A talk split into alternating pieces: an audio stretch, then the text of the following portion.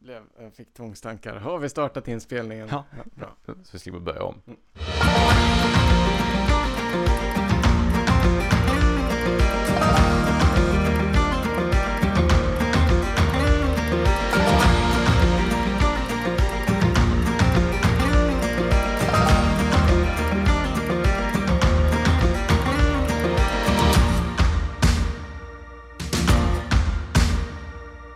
och varmt, varmt välkomna till Fjällvandringspodden. Jag som pratar just nu heter Anton Levin och med mig så har jag Lukas Wennerholm. Hur är läget idag Lukas? Jo, men det är väldigt bra.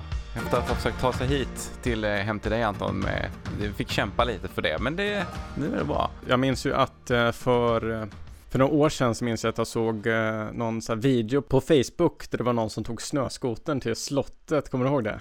Det, det, det kommer jag faktiskt inte ihåg. Nej, men det, det är ju liksom, det är ju det vädret just nu i Stockholm. Jajamän, lite oväntat sådär för många tror jag bestämt. Jo, precis. Jag, jag brukar inte kolla väderleksprognoser här för att det brukar inte... Det är liksom, ja, det är, det är bara man förbereder sig på att det är grått och så här lite mulet vid den här Ja. årstiden. Men det är ändå så här, man går och tänker att det kan bli något bakslag. Men, eh, och så kommer det och så, Vi är alltså mitt i november nu. ja, precis. Men det är inte ovanligt att det kommer ett snöväder i november i Nej, det brukar göra det och alla tänker åh, nu är vintern här, gud vad härligt. Och sen, sen går det någon vecka till och så är det tillbaka till att vara bara torrt och plaskigt igen. Ja, precis. precis. Ja, men ja, jag är sjukt glad att jag bytte till vinterdäck eh, förra veckan och du var också Ja, jag var ute i god tid, eh, tio timmar innan snön kom. perfekt. Ja, det är alla som inte misslyckas, eh, ja men har ju varit ute i god tid. Ja, precis. Det, Det har ju varit en och annan ute på vägarna som inte har lyckats i tid. Det kan man ju, det har man lagt märke till. nej, precis. Jag såg en, jag såg en gammal eh, Volvo igår som var ute och körde och då tänkte jag att ah, här kommer någon som ska styla när den börjar sladda till lite. Då tänkte jag, för det är, det är så här, ja men jag tänker det är någon som har haft EPA och sen liksom köpte en, köpte en, en risig Volvo och tänkte att eh, nu ska man ut och sladda lite på vägarna. Men när den fortsatte rotera och liksom gjorde ett helvarv då konstaterade jag att nej, det där var, det var sommardäck och noll kontroll på den. Det, det, det var den vägen du valde att inte åka helt enkelt. Ja, Ja. precis.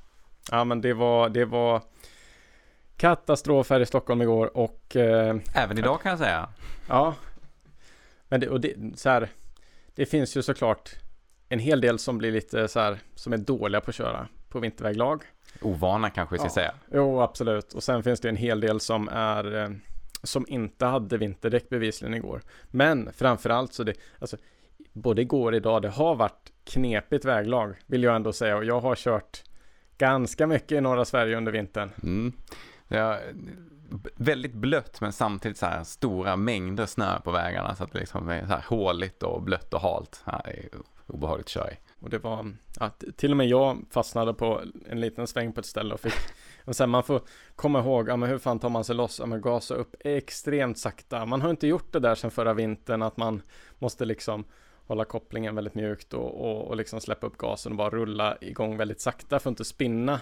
Det var liksom eh, det var ju en sju, sju, sex, sju månader sedan jag gjorde det sist. Så då behöver man liksom påminna sig själv hur fan tar man sig loss. Ja. Definitivt. Vad har vi gjort mer sen sist egentligen? Ja, vi, har, vi har ju bestämt att vi, vi ska fortsätta med det här också. Ja, precis. Jag har bestämt att det blir fler avsnitt av podden. Ja, Ja, precis. det är bra. Ja, men det är fantastiskt kul. Eh, hur känns det? Jag tycker det känns väldigt roligt. Det är, kul att spela in podd och en roliga varje gång och snacka om hur det är att vara ute och minnas hur det är att vandra när man är, sitter inne i sin lägenhet.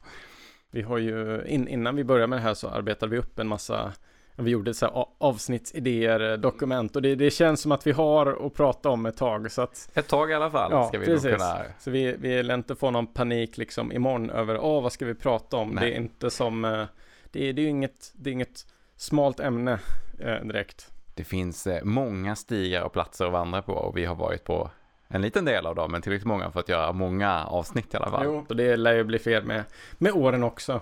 Det hoppas jag. Så eh, ja, vi har att prata om en stund, men eh, vad, ja, vad har du gjort sen sist Lukas? Ja, eftersom det har varit eh, oktober och november så jag är inte jätteförtjust i det här regniga och blöta vädret så jag har faktiskt spenderat ganska mycket tid inomhus. Eh, Men eh, man måste ta vara på det tillfällena. Så jag har hängt mycket i vanlig ordning på, på klättercentret och klättrat mycket. Jag har ändrat min, eh, min klätterrutin lite grann. Så jag har lagt in lite mer så här dedikerad fingerträning. Och det verkar ha gett lite resultat. Så att, eh, det, det är ungefär det jag har gjort sen sist. Hängt mycket på gymmet. Gött, så nu är du redo att hålla hårt i skidstavarna under vintern. Eller hänga med på plasten inomhus. Ja, ja precis. Vi ska ut och isklättra lite nästa vecka också. Det, så att det lär väl smitta av sig lite på den träningen liksom. Det hoppas jag. Man orkar hålla fast jo. ordentligt i isyxorna. Det är bara att göra det. Jo, precis. Jag har ju, jag har ju köpt en skidpulka har jag gjort. Som jag hittade på Blocket i närområdet. Och blev väldigt exalterad. Inte bara köpt den, den eh, har gjort något mer med den? Ja, precis, precis. Jag köpte ju en sån här, eh, jag tror den heter Segerbaden. Det är en, en gammal, liksom svensk klenod från Dalarna. Eh, och jag vet inte, den är säkert 50 år gammal. Men i, i ganska bra skick. Kapellet är fräscht och sådär. Men jag kände att jag behövde fräscha upp undersidan. Så jag köpte, jag köpte klarlack. Och jag vet inte, det kanske man inte får göra. Men eh, jag har polerat och lackat den så att den är nu, den glänser. Eh, och om jag nu har gjort någonting man inte får göra, då är jag ändå nöjd för att jag tror den kommer glida väldigt, väldigt bra. Ja, den är sannoliken väldigt, väldigt fint renoverad. Jag har själv också en sån här eh, gammal segerbad, en eh, träpulka och eh, jag brukar envist kära den med min varmluftspistol varje år. Så nu när jag såg Antons snyggt lackade pulka här så blir jag lite avundsjuk och undrar om det kanske var en bättre idé än att hålla på med käran varje år. Det luktar ju mycket kära. Ja, jag tänker att det är så här, lacka går ju alltid att bättra på så att det borde inte vara något Borde inte vara några konstigheter. Det som är bra med lack också, man kan ju faktiskt ångra sig och slipa bort det om det är så att det, att det av någon anledning skulle glida väldigt dåligt. Men jag tycker att det borde, det borde funka. Du får väl prova i vinter. Ja, Ta en liten det, tur. Det är ambitionen. Ja. Och Sen när jag har liksom, när jag snubblar på en modernare pulka som blir billig för att, ja men en, en ny skidpulka kostar ju liksom miljoners miljarder ungefär. uh, I alla fall förhållande till vad jag vill betala för en skidpulka. Uh, så när jag väl snubblar över någon modernare så tänker jag att då är den där extremt fin på väggen till exempel. Verkligen, en fin uh, utsmyckning. Så det, men det är ju bara en utav, jag har ju faktiskt haft skidpremiär i morse. det är verkligen väldigt roligt. Ja. Det har ju kommit nästan, kan det vara en och en halv, två decimeter snö här ja, på precis. ett dygn eller något. Precis, och inte liksom pudersnö utan välpackat. Ja, tungt och blött. Precis. Ja, men så att jag, jag, jag bara kände i morse att det är inte ofta trottoarerna är oplogade här och det inte finns grus under. Uh, så att jag tänkte bara, men ja, jag måste ju plocka fram skidorna. Så jag tog ut dem. De, jag behövde inte ta ut dem så långt, de står i min garderob.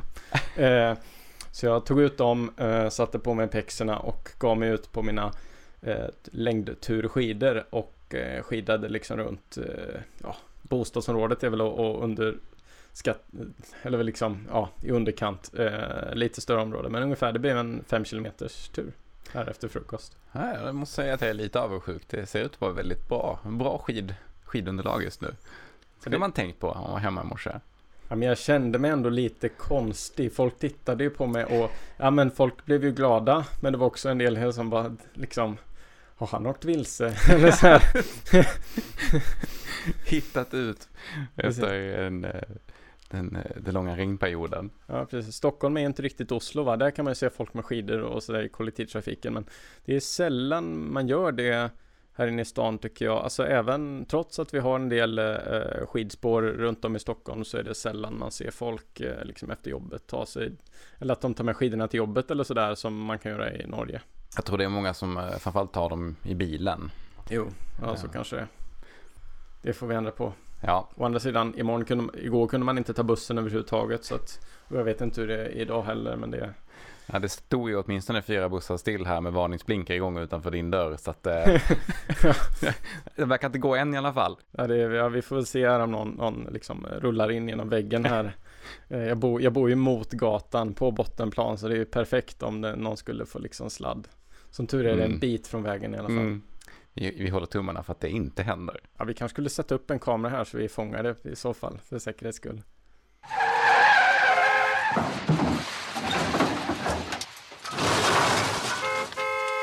Som jag nämnde lite tidigare så vi ska ju faktiskt eh, ut och resa nästa vecka. Jajamän. Vi ska ta en nattåg. Upp till Abisko. Det, det blir en ganska lång resa. Det vi, vi hoppar väl på någonstans där vid åtta tiden och är framme runt tolv, är det inte så? Ja, jag tror, tror jag är ganska säker på att tåget går typ klockan sex. Så Ja, ja, det är nog är sex. eh, nästintill ett dygn på tåg. Det blir 18 timmar kanske. Ja. Precis, men jag, ser, jag, tycker, jag tycker ju nattågen upp till norra Sverige är eh, Ja men det är trevligt. Jag tycker att, ja men att åka till Östersund till exempel med nattåg. Det tycker jag, det är lite för kort tid på tåget. Alltså det går ju typ klockan 11 på kvällen. När jag Ja. brukar sova redan. Och sen så är man framme klockan sju eller något sånt där.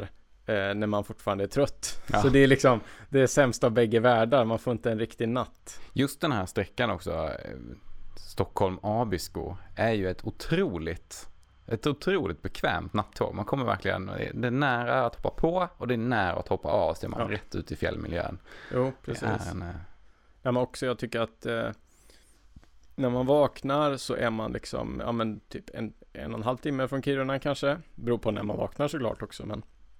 Eh, och då börjar, då börjar liksom Sverige bli lite intressant. I alla fall om man kommer söderifrån, eller själv, alltså efter rälsen så Ja, att säga. ja. För efter rälsen är det ju ganska trist. Eh, för att du ser typ bara skog, men sen när du väl kommer upp dit så börjar ju landskapen förändras lite. Eh, och du får se lite så här inlandssamhällen och sen så börjar du ju se liksom gruvmiljön och Ja. sen så börjar liksom fjällen titta fram. Ja, det är verkligen eh, härligt att sitta och titta ut genom fönstren där. Det är så himla annorlunda om man kommer lite längre söderifrån. Jag tycker också om det här med att man, eh, ja, men liksom när man kliver på nattåget klockan eh, sex där liksom så, så man, man får ju, man får ju lite, lite tid att, att varva ner och ha lite trevligt, kanske käka middag på tåget, eh, eh, ta en öl och liksom, ja men koppla av, komma i stämning lite och, och tagga till inför, inför äventyret man ska ut på. Jajamän. Veckans tema blir också kopplat till dit vi ska. Vi ska till Abisko och eh, isklättra. Eh, Ja. Troligtvis Sveriges största isklätterträff. Nu ska vi se, vad heter den? Abisko eh, Ice Adventure tror Ja, jag. jag tror det är Abisko Ja, Ice precis. Adventure. Jag är lite Precis. osäker. Ja, nej men något sånt i alla fall. Vi ska upp dit. Det kommer bli kanoners tror jag. Eh, vi kommer säkert prata om det lite i något av de framtida avsnitten. Eh, för att det kommer säkert vara en, en härlig upplevelse och eh, det kan ju bli både kanon och katastrof beroende på vad vi ger oss ut på. Precis. Men eh, jag håller tummarna för att få, vi får ett drägligt väder i alla fall. Och då är, Jo, precis. Det, det ska ju vara enligt prognosen än så länge har jag sett att det ser mulet ut men inte ingen nederbörd i princip och eh, än så länge är det ju knappt snö på backen där uppe. Nej. Det är svårt att räkna med att få strålande sol. Då får man, eh, ska man ha en himla tur. Och då skulle vi åkt dit lite tidigare tror jag för att Ja. den, jag tror att de här senaste dagarna har varit ganska bra där uppe. Det är svårt att veta på förhand. Precis, och jag som aldrig har sett norrsken hade ju hoppats på norrsken och så, så här, säger prognosen att det är mulet. Det är ju, Ja, det är otur ändå. ja, Jag, har- jag har egentligen aldrig, eller aldrig heller sett norrsken uppe i norr. Jag har bara sett här det lilla man kan se ibland över Stockholm och framförallt i Uppsala när jag bodde där. Ja. Men eh, jag hoppas på något annat. Lite Ja. kraftigare. Kul att se. verkligen. Men vi ska alltså till eh, Abisko även i det här avsnittet och eh, jag har ju min relation till Abisko det är ju i princip att jag har bilat förbi. Jag har stannat till på fjällstationen, köpt ett sådant där märke för att jag samlar på dem liksom och ja men eh, varit inne på eh, butiken i Björklid när jag kommer inte ihåg det kanske var Coop. Eh, och Ja, de, det vet jag inte. det är ju inte jättestort va? Ja, ganska litet. Ja, men, men eh, det är ändå man så att Abisko det är ju liksom så här, östra och västra Abisko det är ju några hus typ. Ja. och Björkliden det känner du ändå ja men här är ett litet samhälle det är ju en eh, distinkt skillnad i alla fall och sen så har du ju då Riksgränsen som är då den liksom stora skidorten som ligger där uppe bara så att ni kan eh, ja men liksom lite miljön efter motorvägen i alla fall där, Mm. har jag, där har jag ju kört och stannat till lite och sådär i somras Och även tåget tar samma, samma sträcka från Abisko sen Björkliden med några mellanstopp och sen upp till Riksgränsen. Och Abisko nationalpark, som det då kallas, inrättades år 1909 och var tillsammans med åtta andra nationalparker i Sverige de första som inrättades här i Europa. Så Abisko har en lång historia som ett skyddat område för eh, allmänhetens intressen. Och eh, det ligger då söder om Torneträsk, som är då en stor sjö i norra Lappland. Ni bör ha sett den på kartan. Eh, och eh, namnet Abisko, det kommer av ett nordsamiskt ord som inte jag kan uttala. Abisko, som det heter på svenska, kallas på nordsamiska Abeskovo. Abisko är en försvenskning. Och det betyder ungefär skogen vid det stora vattnet. Och eh, det är lite konstigt för det är ju inte jättemycket skog där. Nej, det är inte, inte jättemycket. Det är inte, mer säga att det är små, små björkträd än vad Jo. det är en stor skog. Jag vet inte, det kanske var att man tänkte att själva, eller att det finns lite skog precis vid samhällena eller någonting. Ja, jag vet kanske. inte. Ja, det är ett, ett eh, förvånansvärt namn i alla fall kan man tycka. Men eh, det är ju fantastiskt vackert och det är eh, den mest besökta nationalparken i Norrbottens län med ungefär 50 000 besökare per år. Så den är ju, det är ju ett populärt tillhåll för besökare och eh, det, det var ju någonting jag märkte av. Men det är väl också det här att det ligger precis vid motorvägen, det är lätt att stanna till. Ja, det var jättesvårt att hitta parkering där i somras. Jag kan säga att jag eh, inte parkerade helt eh, lagligt. Eh, jag stannade bara i liksom fem minuter. Jag parkerade absolut inte efter vägen utan jag ställde mig lite dåligt till på en parkering där man inte skulle stå. Men, eh, men liksom gick in, köpte ett tygmärke och drog sen. För det var, det var liksom, eh, det var fullproppat med folk. Ja, det har verkligen lyckats eh, ta sig in i eh, det allmänna medvetandet om att det här är en plats med värde att besöka. Och du har ju lite mer relation med Abisko. Ja, jag har varit där eh, ett antal gånger faktiskt. Alltid med, med nattåget upp, så jag har aldrig bilat förbi. Ehm, och bara där både på vintern och på sommaren. En, någon annan gång för, för isklättra och, och två gånger, en gång för att vandra på skidor och en gång för att vandra till, till fots. Så att, eh, ja, det är verkligen en favoritplats för mig att besöka. Men framförallt så är det en bra, det är en bra start eller stopppunkt för en, för en vandring i fjällen. Och vilka, vilka typ eh, månader på året är det du har varit där? Så jag har varit där i, i- i februari och sen även runt påsken, så vad blir det? April typ. Ja, Och eh, på sommaren i, i juli, slutet på juli, augusti.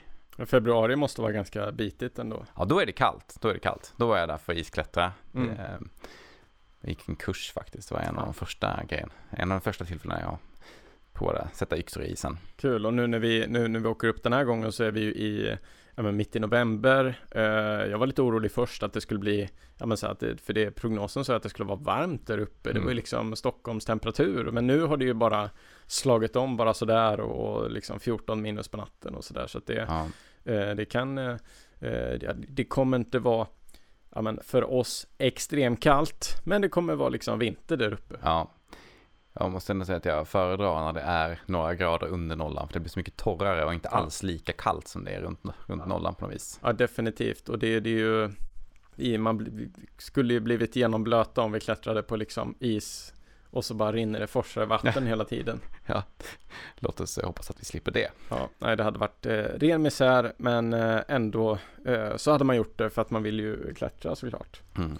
Och eh, du, eh, du har varit upp, nu ska vi se, du hade, du hade, du har isklättrat upp, eh, du hade varit ute på någon skidtur. Ja, eh, och den turen jag tänkte att vi skulle prata lite mer om idag, den, den, eh, den slutar i Abisko. Eh, och det var en, en sommartur som jag gick.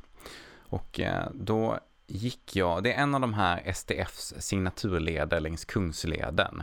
Eh, STF har ju ett, ett gäng sådana här signaturleder längs, längs Kungsleden uppe i norr. Eh, Varav en av dem då går från Nikkaluokta till Abisko. Och det är sannerligen en väldigt, väldigt vacker vandring. Och eh, vi utgick från en, eh, en stuga som ligger lite, lite längre söderut sett från, från Nikkaluokta. Den heter Vakkatovare. Och dit går det att ta bussen. Så man tar tåget till Kiruna tror jag, så tar man bussen dit. Och eh, det finns och som jag sa här så finns det liksom två olika utgångspunkter. Um, och det som skiljer dem åt är väl lite grann hur, hur långt det blir att, att vandra. Nikkaluokta är ju den platsen man åker till om man vill besöka Kebnekaise, en, en välkänd och uh, sträcka som jag tror ganska många har vandrat. Vi pratade om det här tidigare, att det är mångas första vandringstur. Jo, precis. Uh, men eh, jag och min, eh, min sambo, vi hade känt att vi har gått den här sträckan ganska många gånger, så vi vill prova någonting annat. Eh, så vi valde att då utgå från Vakkotovare. Och den ligger längs en väg som går längs en av de stora älvarna där uppe, där det ligger lite kraftdammar och annat. Okay. Så det är väldigt, men den ligger väldigt coolt. Man ser, man ser ut över Stora Sjöfallets nationalpark och in i mm, Sarek på andra sidan och sen upp mot Kebnekaise. Ja, och den här sträckan då, den går från, eh, från Vakatuvare upp till en stuga som heter eh, Singi. Och då ska vi se, äh, Vakatuvare, det måste, blir, blir det någonstans mellan liksom, äh, liksom Stora Sjöfallet, entrén och Ritsem? Ja, Ritsem, det är ju samma väg som man ja, åker för att precis, åka till Ritsem. Man precis. åker förbi Vakatuvare. Ja. Eh, så att Ja, den, Ritsem ligger liksom längre upp på den ja, vägen. Precis, precis. Kan, ja. ja, men då, då är jag med i orienteringen ja. här. Och det finns ju en annan stuga som är ganska vanligt att man åker till och börjar från när man går, börjar eller slutar på längs Kungsleden som heter Saltolukta som mm. ligger lite längre söderut precis, då. Det är precis. stoppet innan Makatovara. Ja, okej. Okay. Då är jag med. Mm. Gött. Ja, så om vi vandrar vidare då från Vakatovara så börjar det med att man går en ganska brant backe uppför Eh, för att komma ut ur den här dalen där, där älven går. Eh, och så vandrar man vidare i, uppe på kalfjället mot eh, Singistugorna som ligger eh, lite förbi Kebnekaise-massivet. Och det här är en, eh, en fantastisk fin sträcka verkligen, eh, som jag rekommenderar att gå. Och vidare från Singi så går man upp till, till en stuga som heter Selkastugan. Eh, och allt det här är ju då längs Kungsleden så man träffar mycket andra människor. Det är breda, väl upptrampade stigar som man ser att det är många som har gått på. Och det är väl, det är väl nästan så att ni, ni för de flesta så vandrar ni lite åt fel håll va? De flesta vandrar väl, börjar väl eh, på norr, norrut och går söderut, eller? Nej, jag tror faktiskt, jag, jag tror de flesta går nog från Nikkaluokta ah, okay. eh, norrut mot okay. Abisko. Det är så den, den sträckningen är, eh, är angedd på ah, STFs okay, hemsida ja. i alla fall. Mm. Så jag misstänker att det är så många, ja. många hittar dit. Och då går den, när man går från Nikkaluokta så går man också till Singistugan. Så det är liksom en, en, en mötespunkt där, där, där lederna går ihop. Ja. Och båda är då en del av Kungsleden, så ja. den, den, delar sig och går på flera precis. ställen samtidigt. Och det som är väldigt roligt eh, runt de här massiven är att det finns ganska många många små, ska man kalla det för, omvägar eller extra turer man kan gå mm. eh, i, det här massi i massiven där runt de olika fjällen. Eh, så om man tittar lite noggrannare på sin karta så man inte bara kollar på den heldragna sommarlinjen, äh, eller ja, vinter och sommarlinjen, så ser man att det finns ganska många så här svartprickade små stigar som mm. går runt omkring de olika massiven. Och vi känner att vi efter vi hade vandrat då på eh, upp till Singi, så jag tror vi var en eller två dagar in i vår vandring känner vi bara, vi, måste, vi vill se någonting annat än ja, Kungsleden. In, in, inte bara motorväg Nej, som exakt. måste in på små landsvägar också. Exakt, så vi bestämmer oss för att när vi passerar Sälkastugan att svänga upp och gå mot Nallostugan istället. Mm. Och det är då alltså inte en del av Kungsleden, men den går lite parallellt med Kungsleden. Ehm, och Nallo är ett, ett berg som är ganska känt, skulle jag säga. En, eh, en väldigt distinkt bergstopp liksom. Som man ser väldigt tydligt när man kommer nära den. den eh, Nallo betyder nål, är jag rätt säker på. Ja. Så att eh, det, är, det är en bra beskrivning av den här toppen. Men den är ju inte, den är väl inte supervass, men däremot är väl så här ena sidan är väldigt eh, liksom eh, platt, eller ja. vad man ska säga. Det, det är som någonting som bara kört ner en, en liksom skifferskiva i backen eh, snett. Liksom. Ja, precis. Just det här förvånade oss också. För att när man kommer eh, ja, söderifrån då blir det väl. Mm. Eh, då ser det verkligen ut som, som du beskriver det. En stor platt vägg som är ja. säkert 200-300 meter hög. Så den är jättestor liksom. Och det ser inte alls ut som den här beskrivande nå nålen. Nej. Men jag kommer till vad det är, för att när man går förbi den och ser Ja. den från andra riktningen, då blir det som en, som en riktigt brant spets liksom. Eh, och, och för att komma upp till Nallo från, eh, från Sölkastugan så, så är, då, har, då är det inte riktigt lika tillrättalagt som det är längs Kungsleden. Det finns inte, inga, inga broar och, och annat över små vattendrag och sådär. Så här, här behöver man faktiskt vada lite. Och den, den här dagen när vi svänger upp från, från Sölka mot, eh, eh, mot Nallo då, då, då regnar det jättemycket. Så det är en riktigt blöt dag och det har även regnat dagen innan. Så det är ganska bra med tryck på Men det- vattnet. Å andra sidan så det är ju ingen skillnad om man vadar. Nej, precis. Man blir blöt ändå. ja. precis. Så att eh, den, här, den här dagen så hade ett av vattendragen där, eller det kanske oftast är så, men vi har bara gått där en gång. Och då, då hade det liksom spridit ut sig, så det, det var liksom ett, ett jättebrett vattendrag. Det var flera hundra meter brett Mm. liksom. Inte alls djupt, kanske så här bara 10-15 centimeter, men nog djupt för att man inte ska kunna gå i det med sina vanliga skor utan att bli helt genomblöt liksom. Så att eh, vi går i, i kanske en kilometer i, eh, i våra vadartofflor och är mycket kalla om fötterna. Det var eh, helt klart en, eh, vi fick stanna efter det här och eh, torka upp fötterna ordentligt Ja. och värma dem lite grann. Jag, jag är ju sådär så att jag, jag orkar inte. Äh, En sak jag prövade nu under hösten, det var ju att vada i sealskins bara.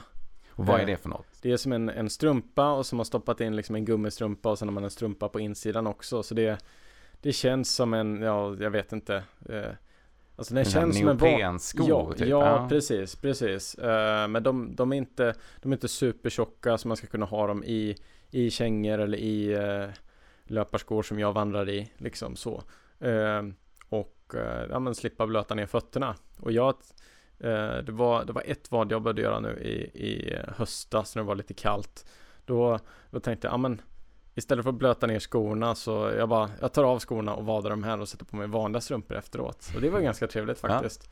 Eh, men, men annars så, jag brukar ju bara gå rätt igenom och så Men då eh, går du, du går alltså i, i gympaskor eller Ja, löparskor? precis, ja, precis. Man kan ju hävda att de torkar, men det, det gör de inte riktigt. Men åtminstone, de blir inte superblöta och man blir, man blir, man får upp värmen ganska fort igen. I alla fall om det inte är väldigt kallt ute. Ja. Eh, Så det, det tycker jag om, men, men det är ju det är ju speciellt, alla gillar det inte. Jag är ju själv en kängvandrare Ja. och har, har hittills nästan alltid haft ganska högt skaft på mina Ja. skor också. Så att eh, de här lite lägre vattendragen och sådär, det gör inte så mycket om man plaskar ner med fötterna i Nej. dem. Liksom. Utan, jag blir då inte blöt om fötterna. nej, Men sen är, som, som alla skor så är de ju inte Ingenting håller ju vatten ute för evigt liksom. Så att eh, man måste ju försöka att hålla dem Precis. torra så gott det går. Även om man har ett par rejäla kängor. Det är ju det är, det är ett problem med både handskar och med skor att de har ett stort konstruktionsfel och det är att det är ett stort hål i dem. Eh, så att, och det, det, så det, det måste man ju tyvärr leva med. Så att eh, på ett eller annat sätt kan man ju få in vatten. Mm, jajamän. Ja, i alla fall. Vi, vi, vi vandrar vidare över upp mot, eh, mot Nallo. Och när vi har passerat eh, en lite större, ett lite större vad också, där det var lite djupare, då kanske vi hade vatten upp till, eh, till knäna kanske i alla fall.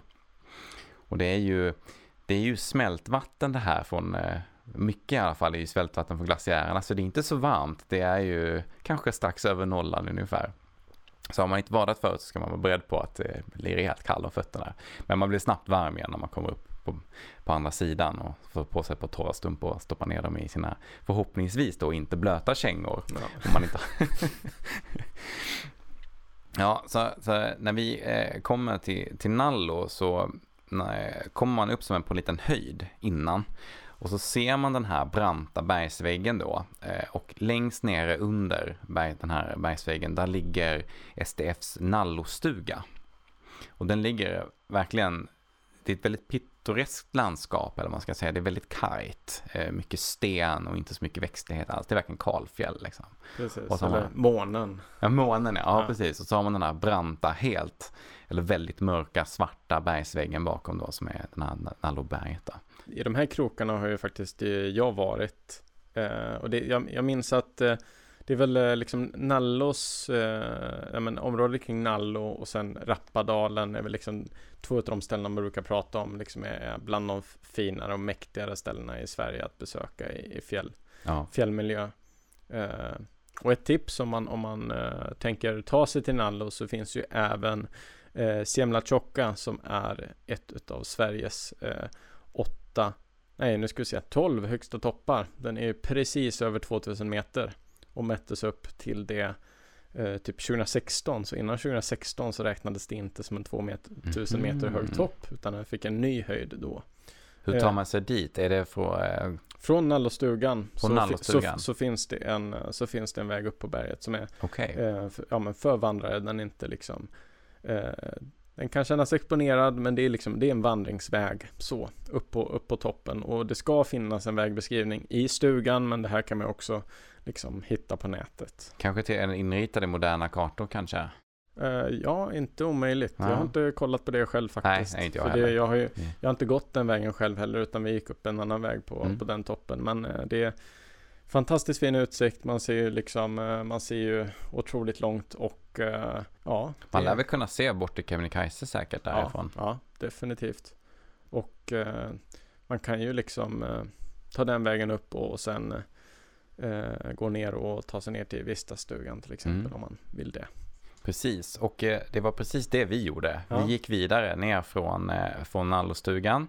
Eh, även här finns det risk att bli blöt om fötterna. För att det finns inga, inga broar och, och spångar. Men det är ganska, ett ganska, inte så, inte så snabbt vattendrag, men också ett sånt där brett vattendrag. Har man lite tur så kan man hoppa på sten över. Jag tror någon av oss provade det och det gick bra. Så man behövde inte ta av sig skorna.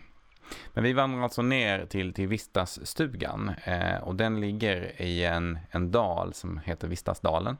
Och den går också hela vägen, den här dalen går hela vägen nerifrån eh, från Nikkaluokta. Och där kan man ju, där kan man ju boka båt också. Ja, man vet. kan åka båt upp ja, dit, ja, precis, just det. Mm. Precis, det kan man faktiskt göra. Eh, och jag vet att det är de som eh, bokar kanoter också får kanoter uppkörda. Eh, och så kan man eh, paddla ner med mm. vatten, vattnet liksom. Och det lät ju väldigt Precis. roligt. Kanske man ska prova någon gång. Ja, absolut. Det enda man ska tänka på här är den, alltså Vistasdalen är ganska, den är otroligt mäktig tack vare att den ligger ganska lågt. Jag vet inte, den kanske ligger på 800 meter eller något sånt. Och så har du toppar ja, som är liksom 1900 meter så här, som omger den. Så du får en liksom otrolig prominens. Ja. Du har liksom upp, upp till Semla så har du eh, över tusen höjdmeter, vilket gör att dalen blir ju otroligt mäktig och liksom omsluter eh, vyerna så att mm. säga. Och, eh, men det är ju också att eh, eh, allt vatten rinner ner i den här dalen och du får liksom den här st stora liksom älven som rinner i mitten av den. Eh, och den är också full med älg, men framförallt mygg. Det är eh, mycket myggigt. Och det är något man ska tänka på kanske om man vill paddla för att då rör man sig inte så fort. Är, jag vet inte, det, man kanske är lite mer fredad på vattnet och sådär men jag tror ändå att eh, vill ni dit så har jag hört av stugvärden, säker källa, att man ska, man ska vänta lite in i eh, ja, mitten av augusti eller någon vecka in i augusti när de första frostnätterna varit. För då börjar, börjar dels färgerna förändras lite och det blir väldigt spektakulärt med liksom lite, lite rödaktiga färger. Eh, men också myggen döda allihop mm. och eh, man, kan, man kan njuta liksom men får dra på sig en fleecetröja. Ja, Eftersom den ligger lite lägre ner så kan det bli ganska varmt den här dalen också. För när vi var där, vi, vi gick i shorts och t-shirt ja. och det var man har ju en stor ryggsäck på ryggen liksom och man blir ju ändå rejält svettig liksom när man går. Men det är ju det är också väldigt skönt. Så att det, ja, det beror lite på vad man föredrar, om det är ja. kallt eller svalt eller varmt. Liksom. Men det man inte ska missa om man går från Nallo ner mot Vista är att i ryggen så har man ju då Nallo och sakta men säkert när man rör sig ner mot Vistastugan så ändrar sig den här branta bergssidan och blir mer och mer den här spetsiga toppen. Så nere från Vista så ser man Nallo som en spetsig topp och kan inte alls eh, tänka sig att det finns den här branta platta bergssidan som man ser uppifrån. Så att eh, berget ändrar sig verkligen i hur det ser ut när man, när man går ner mot Vistas.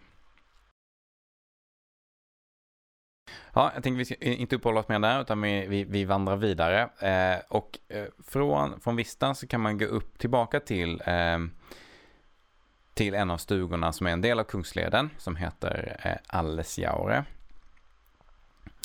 Och den ligger väldigt fint belägen. Den ligger liksom mitt i eh, älven. Så man, man går liksom över eh, går över en, en bro upp och så ligger den som på en liten stenplatå eh, i älven och sen finns det en bro från den Ja, igen coolt. också. Ja, den ligger väldigt coolt belägen liksom. och så ser man ser väldigt mycket vatten liksom. Och, så det är en väldigt fin stuga och när vi kommer dit har vi varit ute och vandrat i ganska många dagar. Eh, Vi har inte gått jättefort och vi har ju gått lite omvägar som sagt så att jag är riktigt hungrig.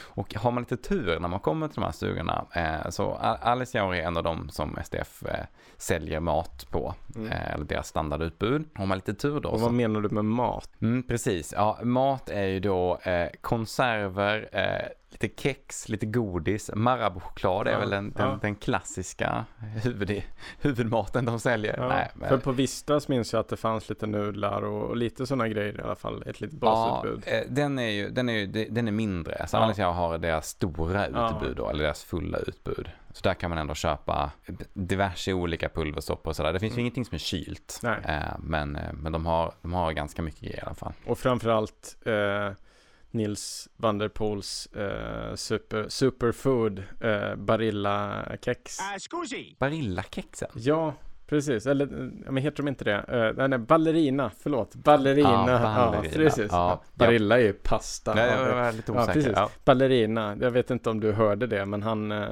han försökte ju få till ett sponsoravtal med Ballerina när han skulle springa Kungsleden. Eh, för att han, han eh, konstaterade att på alla stugor som sålde något så fanns Ballerina. Mm. Och det skulle han ju kunna äta under sin tur. Det skulle liksom räcka för honom för, som, som mat i och med att men han springer så långt per dag. Han kommer ju springa liksom 20 mil per dag så att han gör det där på två dagar eller någonting. Men, men, men eh, Eh, ballerina, de tänkte att ja men tänk, tänk om han liksom blir dålig av att bara äta det i liksom tre, två, tre, fyra dygn. Eh, så att de vågade inte sponsra honom. Men tänker, om man äter mycket ballerinakex Ja. så kanske hans mage är van vid det. Ja, precis. Jo, det, jag tror, alltså det, det blir man ju när man är man ultralöpare, då stoppar man i sig ganska mycket skräp under lopp. Så att det, jag, jag tror, jag jag, så, så vitt jag förstod det i alla fall så körde han på ballerinadieten när han sprang Kungsleden. Han gjorde det ändå, Ja. trots att han inte fick sponsor. Ja, precis. Så det kan ju vara ett tips om ni vill liksom ta tips från eh, proffsen så, så eh, kör helrör med ballerin, ballerina så. Mm. Ja, jag gör ju då inte det här. Jag brukar försöka äta lite mer vanlig mat. Men eh, ja, just det. Men det jag skulle komma till när vi kom till, till Alesjaure så har man lite tur då så rear de ut eh, mat eller godis som har gått ut i Ja. datum. Och det kan vara riktigt bra för då kan man göra sig klipp. Och är man då lite hungrig och har, och har tagit med sig precis lagom mycket mat, det vill säga att man alltid är lite hungrig. Eh, då kanske man kan köpa sig några ball, eh, rör ballerina eller så här paket ballerina och jag hittade då eh, paket med digestivekex som Ja. det var rabatt på. Så jag köpte mig två stora rullar digestivekex och så åt jag dem inom loppet av 20 minuter. Ja, ja men det, det blir, när man är ute på fjället, det är bara, man äter som en hund. Så man vet aldrig när man får mat nästa gång. Nej. Så det är bara att, speciellt om det inte är frystorkat. Det är gott med gröt. Frystorkat, då får jag kämpa i mig. Men är det någonting som inte är frystorkat, Mm. då är det bara keep it Ja, coming. man, man, man, man klarar ju sig på ganska lite, men man är ju konstant hungrig Ja. alltså. Ja, framförallt, det är ett av mina stora, inte bekymmer kanske, men alltid, det finns liksom inget stopp. Man kan äta hur mycket som helst. Men en sak som folk inte verkar kunna äta upp, det är ju pulvermos. För det hittar man ju i varenda stuga, Ja. i något skrymsle. Alltså bara, bara fritt att ta. Precis, för det brukar ju, eh, i varje av de här STF-stugorna så finns det ju en, eh, ofta en hylla med eh, mat där man kan lämna mat och man kan ta mat. Och där finns, som du säger, det finns alltid pulvermos där. Och jag har aldrig tagit någon Nej, nej, pulvermos. precis. Ibland finns det nyponsoppa också. Det, ja, det, skulle, det är ju gott. ja, det skulle jag ändå kunna tänka mig och, och sådär.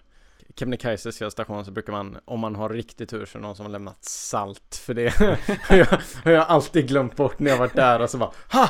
Det finns salt här! Ja, fantastiskt. Ja, eh, det är ju verkligen en av de sista sakerna man vill glömma. Ja. Det är så otroligt trist att äta mat utan Ja, salt i. Ja.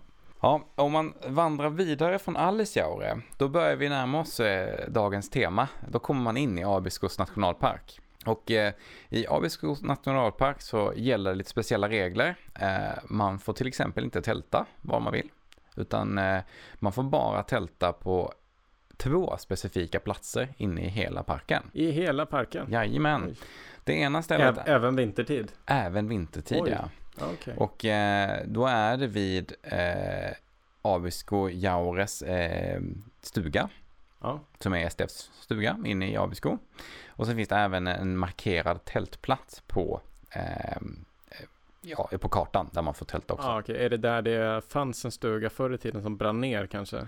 Det kanske det gjorde. Det är mer än vad jag vet Ja, faktiskt. ja, Men det är säkert ja, möjligt. mm, mm. Men det här får ju lite roliga konsekvenser. För det gör ju att precis vid gränsen till Abisko, Mm.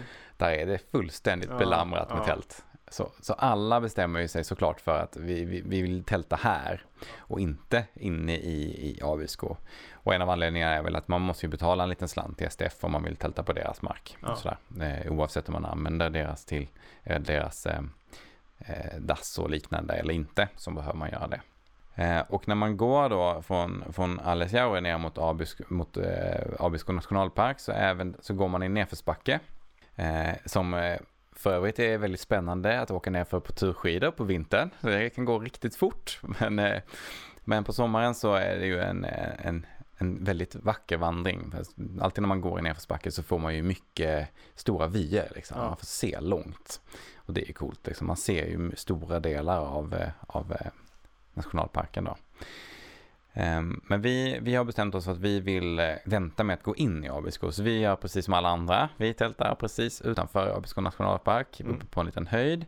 Och det går ju en rejäl älv här precis innan man går in i, eh, precis innan man går in i Abisko. Så att om man är lite, lite planerar lite förväg här så kan man välja att tälta en bit bort från älven för att den brusar väldigt, Ja. väldigt högt. Mm. Ehm, Så man ska välja att stanna, inte precis utanför gränsen utan lite innan. Och då slipper man också de värsta, den värsta trängseln med folk. Eh, Men jag har för mig att det står ett litet dass här också, för, eh, vilket är trevligt. Men när man kommer in i Abisko sen, då ändrar sig landskapet ganska mycket. Eh, Vi pratar ju om det här att det blir att det är en skog. Ja. Och det är ju ett betydligt mer be- beväxt område jämfört med kalfjället. Det finns ju små, små träd och det är väldigt grönt Mm. och det är verkligen en annan miljö liksom. Och väldigt vackert såklart. Mm. Och det är också, det är också ett lite mer böljande landskap va, än nere liksom mot Kebnekaise-fjällen. Ja, men det är det. Ja. Det är betydligt mjukare kullar och inte så Ja, mycket ja, branta berg. liksom. mm. Och från Abiskojaure så kan man faktiskt välja vilken väg man tar för att komma tillbaka till, till eh, eller för att komma till Abiskos fjällstation som då är slutet för, för vår vandring. Och vi har, eh, vi har ändå gått in lite tid här, eller snarare vi hade bokat en lite för lång resa. Mm. Ehm, Så att från Abiskojaure så kan man välja att gå upp till en stuga som heter Korsavagge. Mm. Eh, inte 100% på att det uttalas så, men jag tror det. Och det är även en av de här eh, ut, en, av eh, stugorna som man rekommenderas att gå till från Abisko eh, fjällstation. På en dagstur. Men man kan alltså gå från den nerifrån Abisko, eller eh, Abisko Jaures stugan. Och då vandrar man liksom, då svänger man av vänster från eh, Kungsleden och går typ 800 meter upp över en, en ganska brant bergssida. Mm. Men det är, en, det, är en, det är en utmarkerad led om en sån här svartprickig, svårt, knappt synlig led som Ja, står i precis. kartan. Precis. Eh, Men det är också coolt eftersom då kommer man, då kommer man upp ur dalen, upp ur nationalparken och så kan man liksom verkligen då se hela nationalparken nedanför sig. Eh, Och så om man gillar att ta i lite och bli lite svettig så är det också en bra, en bra väg att gå om man vill känna lite i låren att man är ute och rör på sig. Om man känner att nu är det bara nedförsbacke kvar sen, nu bränner vi de sista Exakt. batterierna här. Ja. Så det, det kan jag varmt rekommendera om man vill göra en lite annan tur än, än den vanliga turen genom Abisko nationalpark och faktiskt vill se parken uppifrån. Eh, för det gör man, när man går nere bland träden så, så ser man ju, då är ju utsikten lite mer begränsad. Men kommer man upp på bergssidan där så ser man betydligt mer. Eh, så vi vandrar upp över det här, eh, den här fjällsidan och kommer till den här eh, Korsavaggestugan. Även här eh, är det ju då ett ganska brett och blött vad man måste ta sig över. För inte här finns det inte heller någon spång. Så att det ska man ha i åtanke när om man går här också. Att eh, man måste ta sig för att ta, ta, komma, när man kommer ner från, eh, från den här fjällsidan och så ser, man ser Korsavaggestugan, den är precis där. Men där är också ett stort, ett stort vattendrag i Mm. vägen mellan en och den och det finns nog inga alternativ här, man måste ta sig över. Ehm, Om man inte ångrar sig. Om man inte ångrar sig. Man kan alltid gå tillbaka ner till, Kungs, till Kungsleden igen, men då det är en bra vandring tillbaka. Det är ändå ganska många kilometer och så är det ju ganska brant också. Så att eh, man är nog inte så sugen på att gå ner igen när man väl tagit sig upp för de här höjdmetrarna när man är lite trött i benen. Ja, eh, så vi tar oss över det här lilla vadet och så träffar vi en eh, mycket glad eh, stugvärd som han har nog inte sett någon på ett tag för Nej, att det verkar nej. inte vara, kanske inte den mest besökta stugan. Eftersom den då inte ligger längs Kungsleden Nej, där de flesta rör sig. Så han eh, konverserar glatt med oss om, om vädret och hur det är att vara eh, lite äldre vandrare. Han, han pratar mycket om hur, hur han träffar på män som har eh, en gång varit i stor form och gjort massvis med coola turer och han eh, pratar om att det är alltid de som måste upphämtas. Ja, han hade mycket åsikter och det var Mm. roligt att Mm. höra på. Vi satt mest och lyssnade och nickade. Gamla rävar har mycket erfarenhet med dåligt muskelminne. ja, exakt. Det är helt klart värt att stanna och, och prata lite med stugvärdarna. De har ofta väldigt många roliga anekdoter att bjuda på. Så eh, när man ska ta sig från Korsavagge, då är det inte så långt kvar på, på vår vandring, utan då, då eh, går det som en backe ner tillbaka till, eller ner till Abiskos eh, fjällstation. Eh, och här börjar landskapet, det känns lite mer som, som vanligt liksom. Mm. Det, är, det är lite skog och det är lite stig. Det är, det är inte riktigt som att komma ut i, i skogen runt omkring eh, eh, mer i södra Sverige. Men, men det är absolut en lite mer vanlig vandring skulle jag säga. Det känns inte så mycket kalfjäll längre i alla fall. Men väldigt trevligt och har man varit ute och gått i nästan tio dagar som vi hade varit då, då känns det väldigt bra att få Mm. gå lite nerför och känna att nu börjar vi närma oss slutet på den här vandringen. Vi har haft det bra liksom. Man bör väl se en del utav uh, uh, Tony Träsk också antar jag. Ja, det gör man. Eh, inte hela tiden, Nej. men, eh, men man ser den absolut när, när skogen öppnar upp sig lite Mm. grann eller man kommer upp på en liten höjd liksom, på, en, på en kant sådär. Ja, och när man väl kommer ner till eh, Abiskos fjällstation då finns det ju en restaurang där. Mm. Och det är riktigt trevligt att sätta sig och äta lite riktig mat efter att ha varit ute och vandrat i många dagar. Och vi hade lite tur här för när vi kom upp på den här fjällsidan innan Korsavagge då finns det mobiltäckning. En kort, kort period. Ja. Så då lyckades vi boka restaurangplats. Ja, perfekt. För vi visste att vi skulle komma ner dagen efter.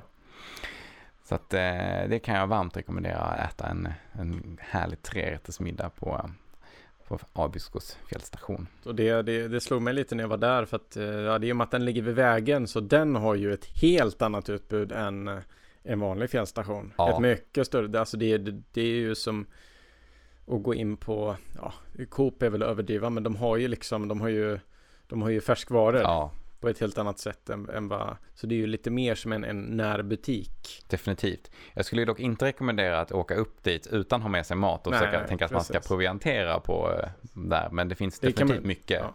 Det kan man göra, man kan däremot, har ni glömt något, åk till Björkliden. Där Ja. finns det ju en, en vanlig butik så att säga. Det finns också en, en liten butik i Abisko Östra. Ja.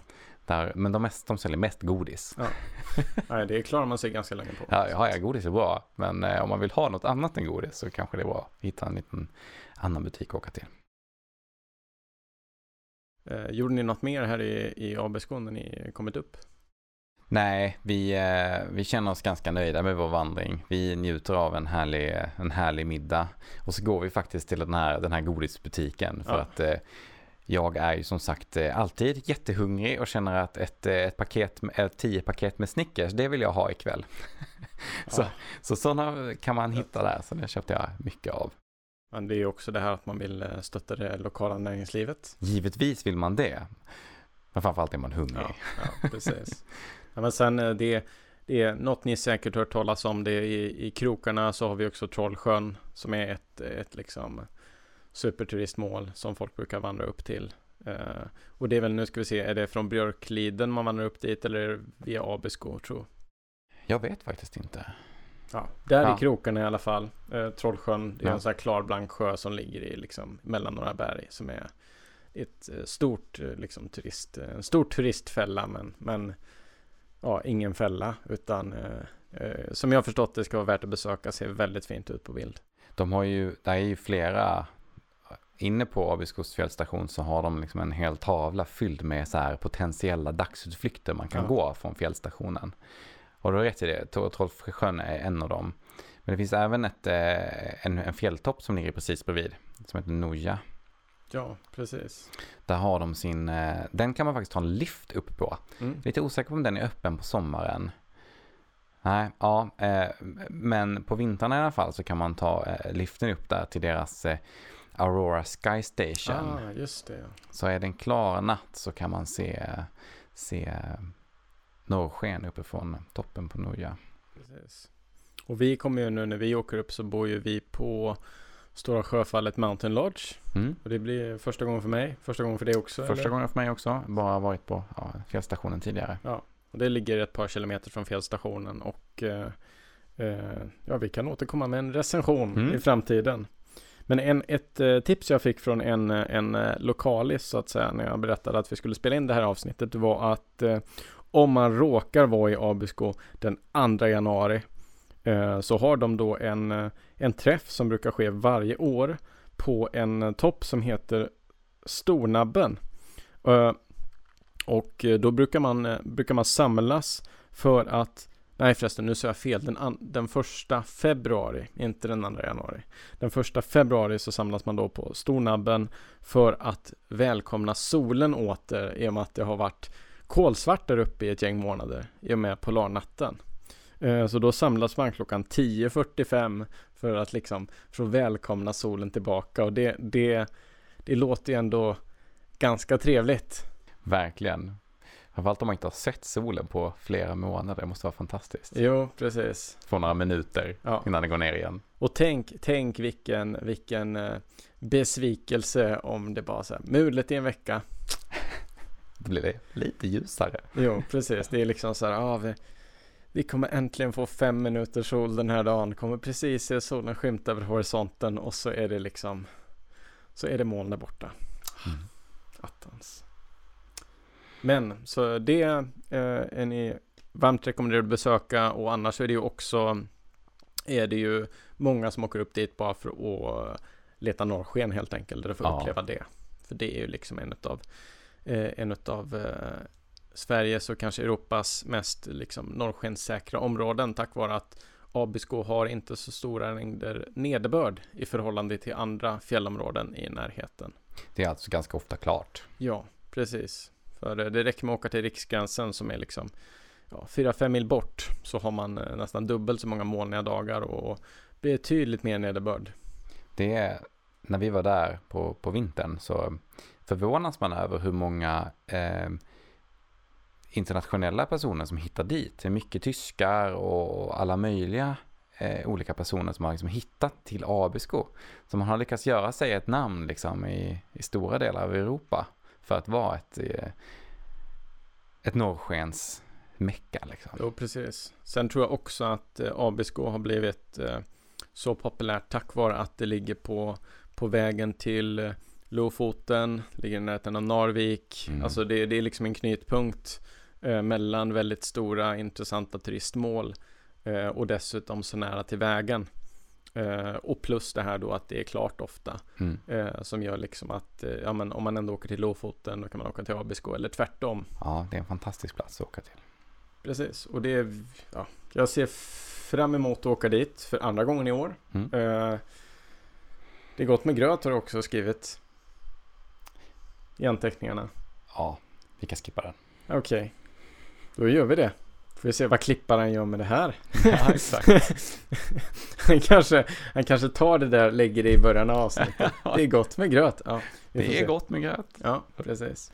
Eh, Oskar, gör vad du vill.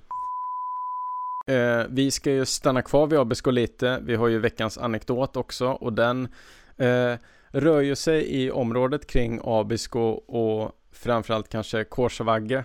Eh, Lukas var nära på att försäga sig tidigare kring den här anekdoten och jag har liksom plockat fram en gammal tråd här från utsidan som jag tänkte att vi ska, vi ska titta lite på i det här avsnittet för det är en, det är en ganska rolig historia om eh, hur en ensam vandrare som kallade sig för Frippe försökte ta sig an Lantmäteriet i Sverige. Och det hela började 2004. Håkan Friberg, kallad Frippe, han var ute och vandrade och hittade ett vattenfall eh, som han även då i sin bloggpost på utsidan beskriver som en dusch. Eh, och ja, men det här lilla vattenfallet, det var, det var, inte så superkallt och det var fint väder när han var där också och eh, han nyttjade det här som en, en, en liksom campingplats för att, eh, för att eh, ja, men duscha helt enkelt. Eh, och eh, han tyckte att det här var ett så attraktivt område att eh, han började fundera på vad kan man göra för att få en plats liksom på kartan eh, namngedd? För att eh, så vitt han förstod så den här platsen hade inget namn. Det var ju bara en liten, en liten bäck, bäckfors eller man ska säga. Det är ju liksom ingen, ingen stor fors. Eh, och eh, ja, den hade inget namn. Han beskrev också att det var 15-gradigt vatten i, i det här vattenfallet, vilket då är, ja men i fel miljö så är det fantastiskt varmt. Till skillnad från ja. många andra vattendrag som liksom är norr, nollgradiga. Precis, det är som inte, inte direkt eh, smält vatten från glaciärer som är iskallt. Så det här är ju liksom i, i, på en fjällvandring är ju det här en lyxdusch. och eh, ja, men framförallt han, han beskriver liksom hur eh, ja, men brev, i närheten av fallet så finns det en liten, en, som, en, som ett stenbord man kan lägga sin handduk på och, och sådär. Ja, men det är liksom, det är, det är som gjort för att du ska stanna till där och ta en dusch.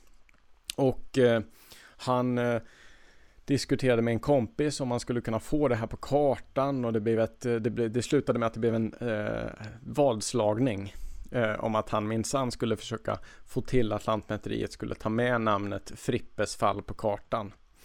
Eh, och eh, eh, han började då med att ta fram, eh, ta fram eh, turbeskrivningar. Han tog fram en karta och så skrev han vart det var och hur man tog sig dit. Och så skrev han en liten beskrivning. Och så skickade han ut det här till de olika stugorna i närheten, fjällstugorna.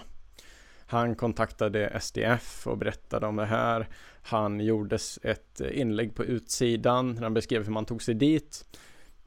Och så kom han också på idén att han skulle börja dela ut diplom till alla som besökte Frippes fall för att försöka locka folk att gå dit.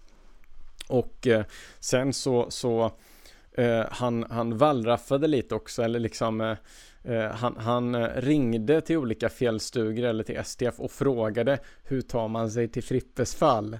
För att de skulle vara tvungna, så här, det skulle verka som att det var ett populärt ställe och så här, stugvärden kanske, ah, jag har aldrig hört talas om det, finns det något som heter det? Och så, eh, men på det sättet odlade myten om att den här platsen var en liksom, etablerad eh, plats. Ett ställe man verkligen vill se. Ja. En dusch man verkligen vill uppleva, eller? Jo, precis. Och, och liksom han, han jobbar ju på eh, med den här planen. Han, han, eh, han släpper inte det här. Han, eh, han fortsätter mejla runt, han eh, kontaktar folk och han börjar få lite påhejare i, på sin utsidan-tråd. Vi har långa mejl liksom i hans tråd där han beskriver sin mejlväxling med STF och, och sådär. Ja, han ligger verkligen i för att det här ska, för att det här ska bli av.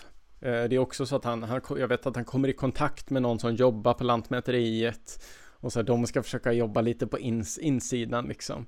Eh, sen skriver han eh, så här, eh, Frippes fall på BD6 som då är en av kartorna för fjällvärlden. Eh, en dag när jag kom hem låg det ett stort vitt kuvert på halvgolvet. Det var adresserat till adjunkt Håkan Friberg. Så har jag aldrig blivit titulerad tidigare, utom här på utsidan förstås, av Öringen, eh, i ett mycket speciellt sammanhang. Så pulsen höjdes en aning. Det fanns för mig eh, okänt företagslogotyp högst upp i vänstra hörnet. Pörje Forest Industry i Luleå. Ett par av mina vänner hade i och för sig varit uppe i Luleå på prao förra veckan, men de var ju på teatern. Kuvertet kändes tungt. Porto var över 20 kronor. Det här var 2009. I kuvertet låg bland annat ett kort undertecknat med Ulf, inget efternamn. Hmm. Är det någon jag borde veta vem det är? Nå, så stod eh, hälsningen i sin helhet.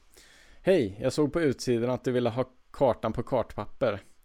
Eh, det här är sånt oförstörbart papper, sliter med hälsan, kartad, rättad enligt kartograf Djurfälts förslag.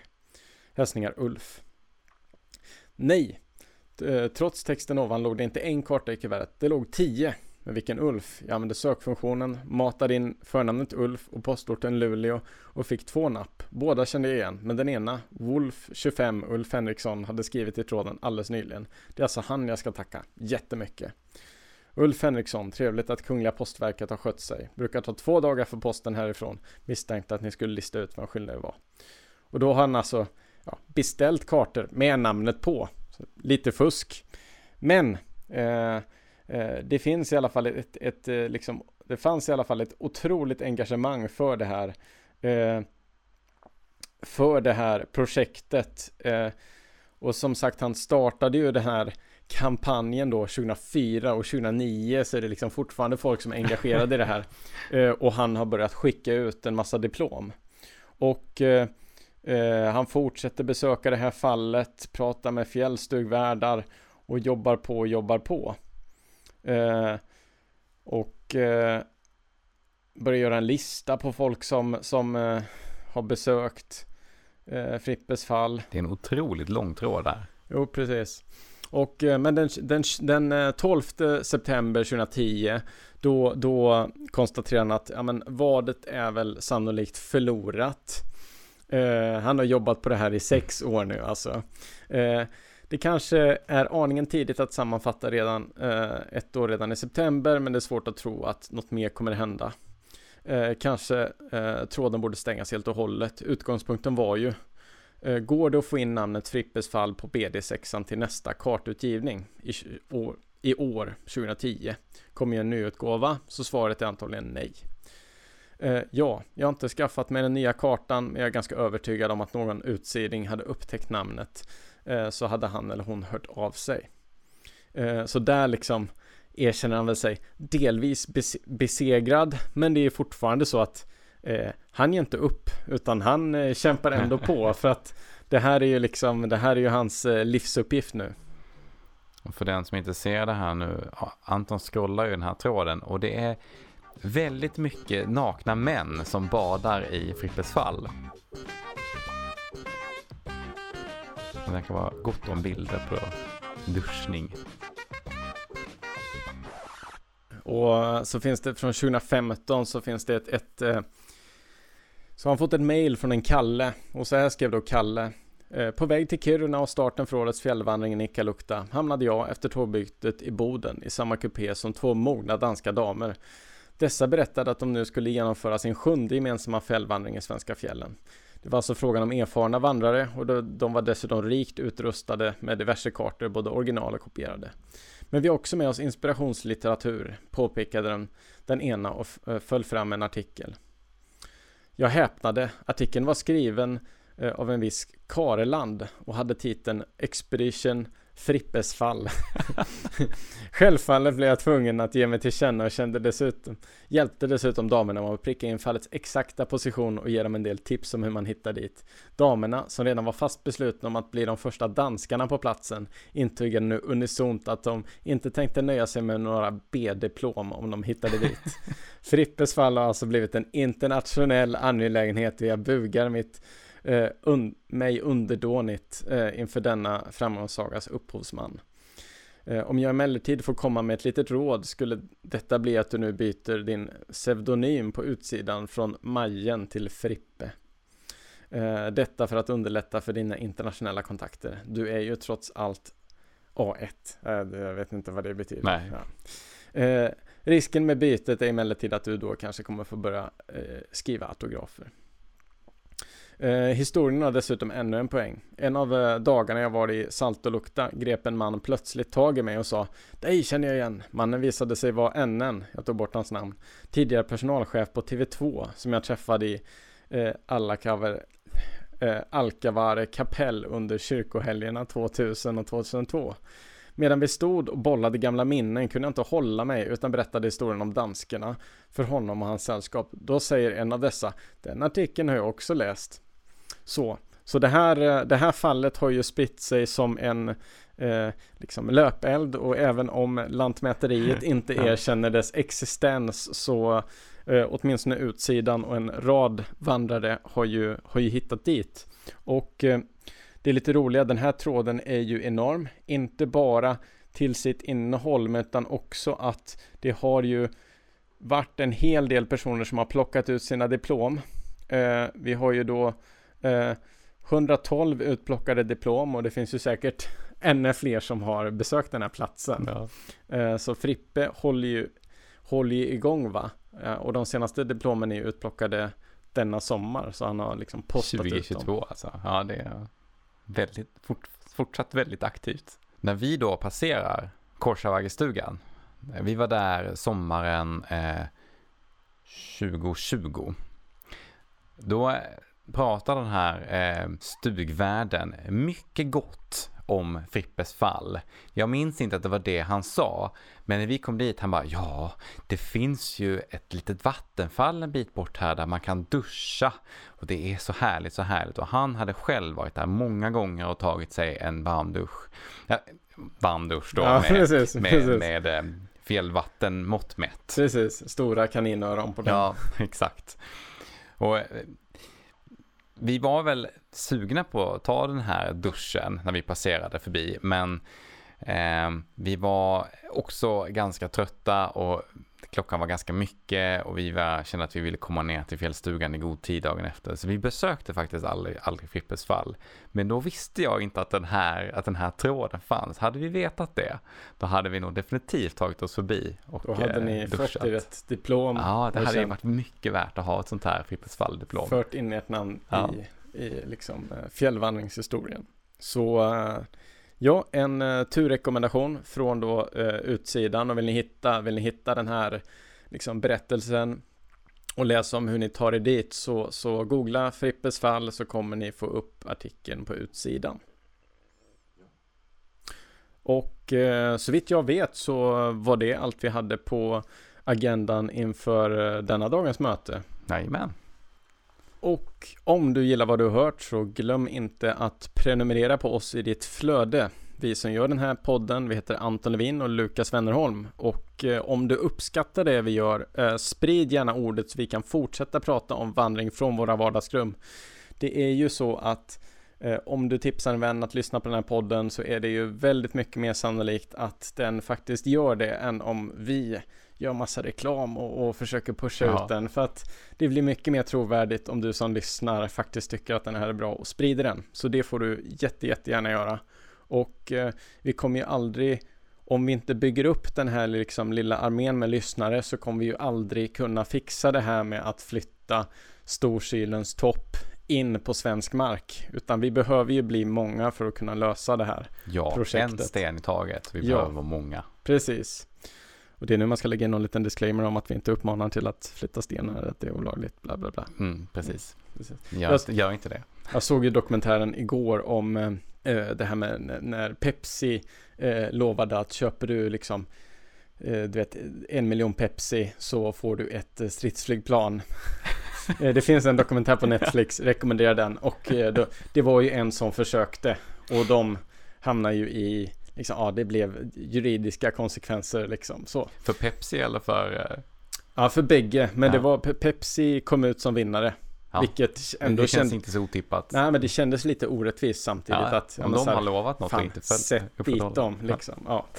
Eh, amerikansk juridik i alla fall. Men eh, eh, hjälp oss flytta toppen. Eh, och vill du komma i kontakt med oss så hittar du oss på Instagram. Jag heter Anton Levin på Instagram. Jag heter Lukas Wennerholm på Instagram. Och glöm inte redan nu att planera din nästa tältnatt, kanske i snön. Tack för den här gången. Vi ses om två veckor. Tack för oss.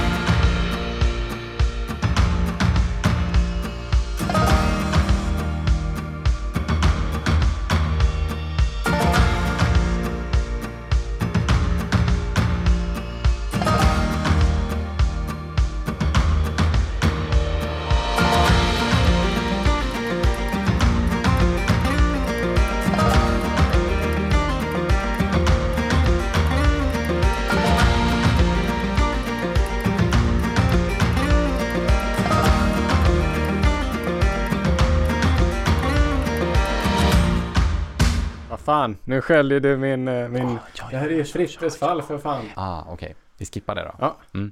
Vi skippar det helt. Jag bara, helvete, nej, nej, nej. Nej, okej, okej, okej.